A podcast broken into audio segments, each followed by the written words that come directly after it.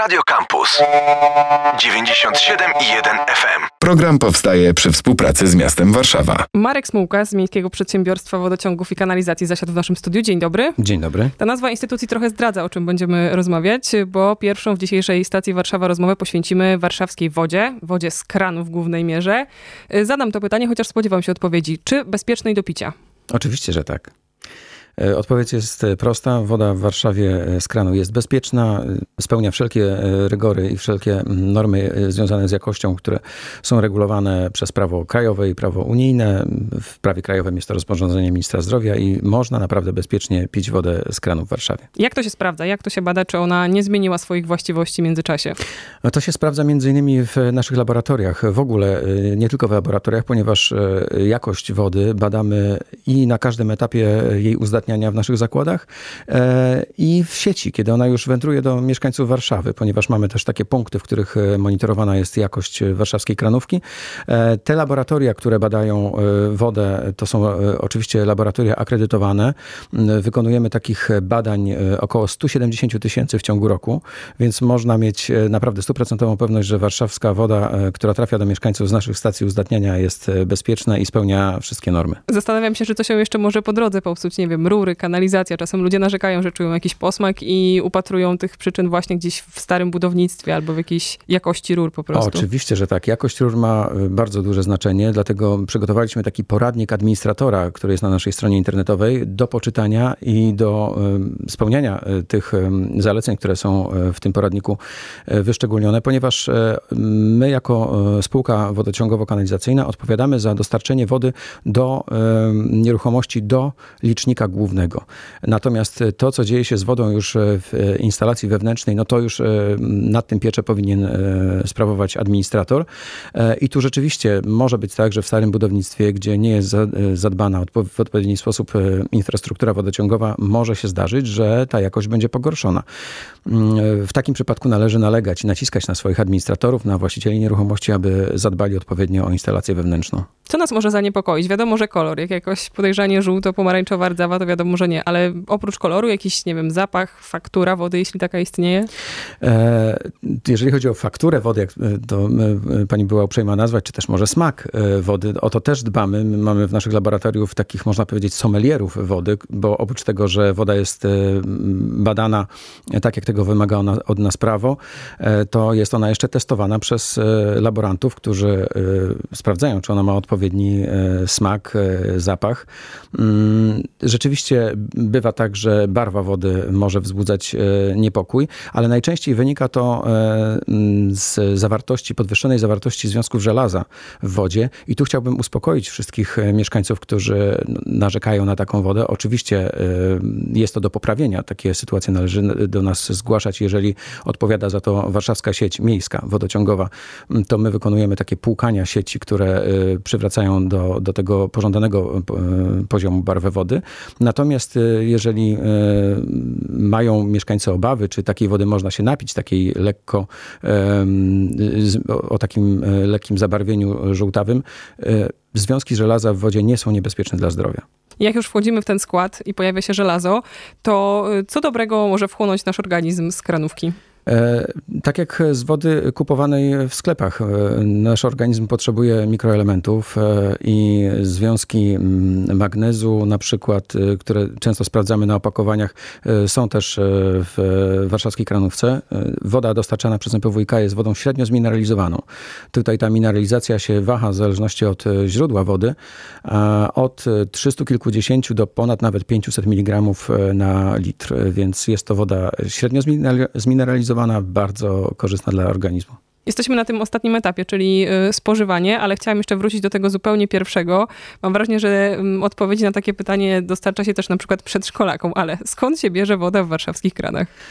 Woda w warszawskich kranach jest z, głów, z, dwóch głównych źródeł. E, to też jest istotne, dlatego że w sytuacji, kiedy obserwujemy tak częste już e, skutki zmian klimatu i mamy coraz częstsze susze, e, woda w Warszawie jest pobierana z dwóch zasadniczych źródeł. Pierwszym jest Wisła, I tu e, należy pamiętać o tym, że woda e, z Wisły nie jest czerpana bezpośrednio z nurtu, tylko jest to woda infiltracyjna. E, to oznacza, że wodę ujmujemy pod dnem Wisły. Są tam rozmieszczone takie specjalne rury perforowane, którymi woda jest pobierana do studni infiltracyjnej, a ta woda do tych rur trafia poprzez naturalne złoża piasków i żwirów dna wiślanego. Te dreny, bo tak się nazywają to właśnie perforowane rury y, są kilka metrów, od 3 do 7 metrów pod dnem Wisły. I do tych rur spływa woda, można powiedzieć już tak wstępnie, naturalnie przefiltrowana. To jest y, właśnie woda infiltracyjna. Y, następnie przechodzi oczywiście etap, kolejne etapy uzdatniania. A jeszcze wcześniej jest monitorowana przez e, organizmy żywe. To też e, jest ciekawostka, która no, myślę, że jest znana mieszkańcom Warszawy, ale być może nie wszystkim.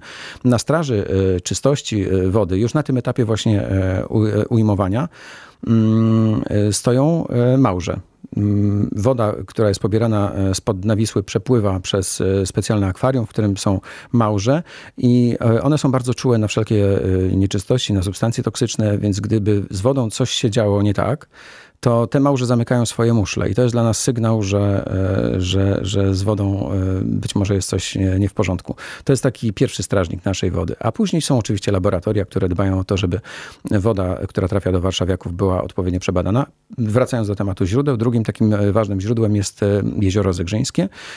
Tutaj woda jest pobierana przez nasz zakład północny. Tu też mamy małże i ryby, które stoją na straży czystości tej wody. A możemy to jakoś roz rozdzielić, kto ma z Zegrza, a kto z Wisły? W sensie mieszkańcy możemy. jakich dzielnic? Oczywiście, że możemy. E, te tak zwane strefy zasilania są na naszej stronie internetowej, e, więc można sobie podejrzeć mapkę, które dzielnice e, mają wodę z, ze stacji uzdatniania filtry, które ze stacji uzdatniania Praga, a które właśnie z Zakładu Północnego z Wieliszewa z Markiem Smuką z Miejskiego Przedsiębiorstwa Wodociągów i Kanalizacji o kranówce warszawskiej rozmawiamy. Dużo czasu poświęciliśmy jej pochodzeniu, ale skoro już gdzieś ten temat suszy y, kilka minut temu się pojawił w jednym słowie, to chciałam jeszcze o to dopytać, bo rozmawiamy latem. Co prawda lato nas sierpniowe oszczędza, jeśli chodzi o upały, ale to jest też taki czas, kiedy różne um, opinie klimatologów do nas docierają i mówi się o tym, że wody w przyszłości może y, zabraknąć. Czy Warszawa jest bezpieczna, jeśli chodzi o dostęp do wody pitnej? E, można powiedzieć, że że na razie Warszawa jest bezpieczna. E, mieszkańcom Warszawy nie grozi brak wody w kranach. E,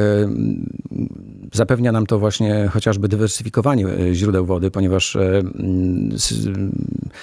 system wodociągów w Warszawie jest zbudowany tak, że w razie potrzeby kiedy tej wody y, w Wiśle, z Wisły pobieramy na przykład niewystarczająco, mówię teoretycznie, no to sobie możemy zwiększyć tę strefę zasilania e, z zakładu północnego odpowiednio, tak by e, do mieszkańców zawsze docierała czysta i bezpieczna e, kranówka.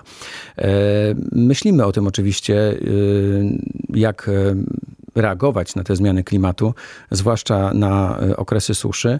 Mm, one są e, niekorzystne przy, w przypadku Wisły, dlatego że niski poziom w, w rzece e, powoduje, że musimy wykonywać po prostu dodatkowe prace, ponieważ jak pani redaktor pewnie wie i, i pewnie część mieszkańców też, w MPWiK mamy naszą flotę, która e, pływa po Wiśle i nie pływa tam e, sobie od tak po prostu, tylko wykonuje bardzo ważne zadanie, ponieważ e, o to dno wiślane trzeba odpowiednio zadbać.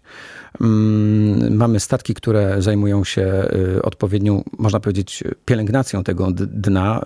Takie najbardziej istotne prace to jest spulchnianie tego dna, kiedy mm, trzeba po prostu złoże y, piasku troszeczkę spulchnić, tak żeby ta woda y, łatwo przesiąkała do, do naszych drenów. Mm, I tu właśnie y, okresy suszy są o tyle niekorzystne, że mm, woda nanosi wtedy bardzo dużo piachu, który po prostu trzeba, mówiąc obrazowo, rozgarnąć i, i te wyspy piaskowe likwidować, tak żeby woda swobodnie przesiąkała do naszych drenów i mogła być pobierana do stacji uzdatniania. Mm, chciałam jeszcze zapytać o wodę w przestrzeni publicznej, bo o ile z kranu już wiemy, że bezpieczna, dostępna, można podstawiać e, szklanki, kubki, wszystko inne, czy da się, nie chcę użyć słowa dotankować, ale uzupełnić e, zapasy wody poruszając się w przestrzeni publicznej? Czasem się spotyka mm, te studnie oligoceńskie, jakieś inne źródła, kraniki, zawory. Jak to jest? Studnie oligoceńskie to nie my. Mhm. Nie, nie, nie zajmujemy się e, studniami oligoceńskimi. Natomiast zależy nam na tym, żeby warszawska kranówka była jak najbardziej dostępna dostępna i realizujemy program, który polega na tym, że instalujemy tak zwane poidełka w instytucjach publicznych, w szkołach, wszędzie tam, również w urzędach, e, dokąd przychodzą mieszkańcy załatwiać swoje sprawy. I e, takie źródełka mamy w 281 źródełek obecnie w 220 szkołach, a także 97 źródełka, źródełek w 32 instytucjach w Warszawie. Zachęcamy też mieszkańców, żeby zabierali ze sobą warszawską kranówkę, żeby pamiętali o tym, że można wody nabrać sobie do bidonu, żeby zadbać o to, żeby nawadniać się w czasie czy to wysiłku fizycznego, fizycznego, czy do jakiegoś biegu, joggingu, czy, czy nawet na spacerze z psem, żeby pamiętać o tym, żeby zabrać wodę dla siebie i dla czworonoga. Mm, zachęcamy do tego mieszkańców, e, ponieważ zawsze jest to e, rozwiązanie bardziej ekologiczne niż e, kupowanie wody w plastiku. A czy słuszne jest oczekiwanie może jakiejś większej ilości tych źródełek w przestrzeni publicznej? Myślę o miastach południowych, włoskich, hiszpańskich. Tam się często spotyka po prostu takie właśnie źródełka, do których można podejść na ulicy. E, zgadza się. My też współrealizowaliśmy taki program, e, natomiast te źródełka zostały przejęte przez e, miasto.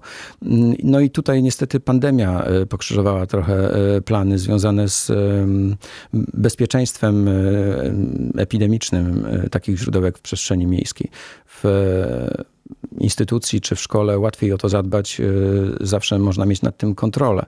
Natomiast w przestrzeni miejskiej otwartej, no taka dezynfekcja musiałaby być y, co chwilę y, wykonywana, więc tutaj no, trochę musimy poczekać chyba na, na poprawę sytuacji epidemicznej. Chciałam jeszcze zapytać o fontanny, ale wydaje mi się, że tu będzie podobna odpowiedź, czyli to też tak, ktoś nie zajmujemy się fontannami, tam jest obiekt zamknięty i to nie jest, to nie jest y, woda, którą, absolutnie nie jest to woda, którą można byłoby spożyć. Marek Smułka, rzecznik prasowy Miejskiego Przedsiębiorstwa Wodociągów i Kanalizacji był naszym gościem. Bardzo dziękujemy za wszystkie wodne wyjaśnienia. Dziękuję bardzo. Program powstaje przy współpracy z miastem Warszawa. Radio Campus.